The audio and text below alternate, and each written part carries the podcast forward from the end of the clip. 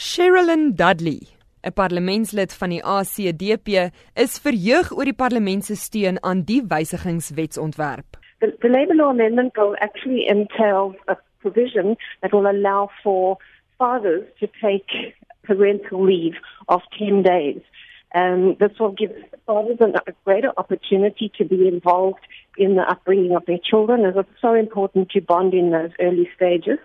It's also important because the father won't be able to take that parental leave unless they are in fact registered as the father. And you know, in South Africa, we have a major issue where fathers do not register as the father of their child. So this is going to help in that situation as well. It also provides uh, adoption leave and um, it also applies to surrogacy birth.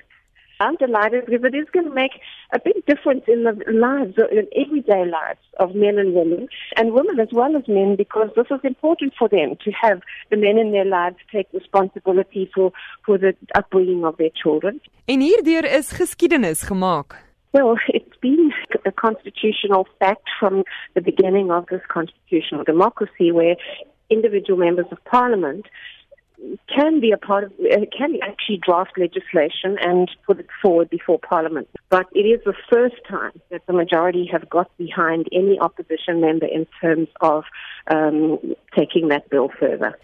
Die nasionale vergadering het ook goedkeuring gegee vir aanpassings aan versekeringswetgewing.